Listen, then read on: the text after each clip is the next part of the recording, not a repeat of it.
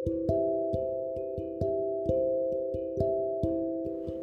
Allah, sembuhinlah Naila sama demam ini. Biar Naila bisa sekolah besok.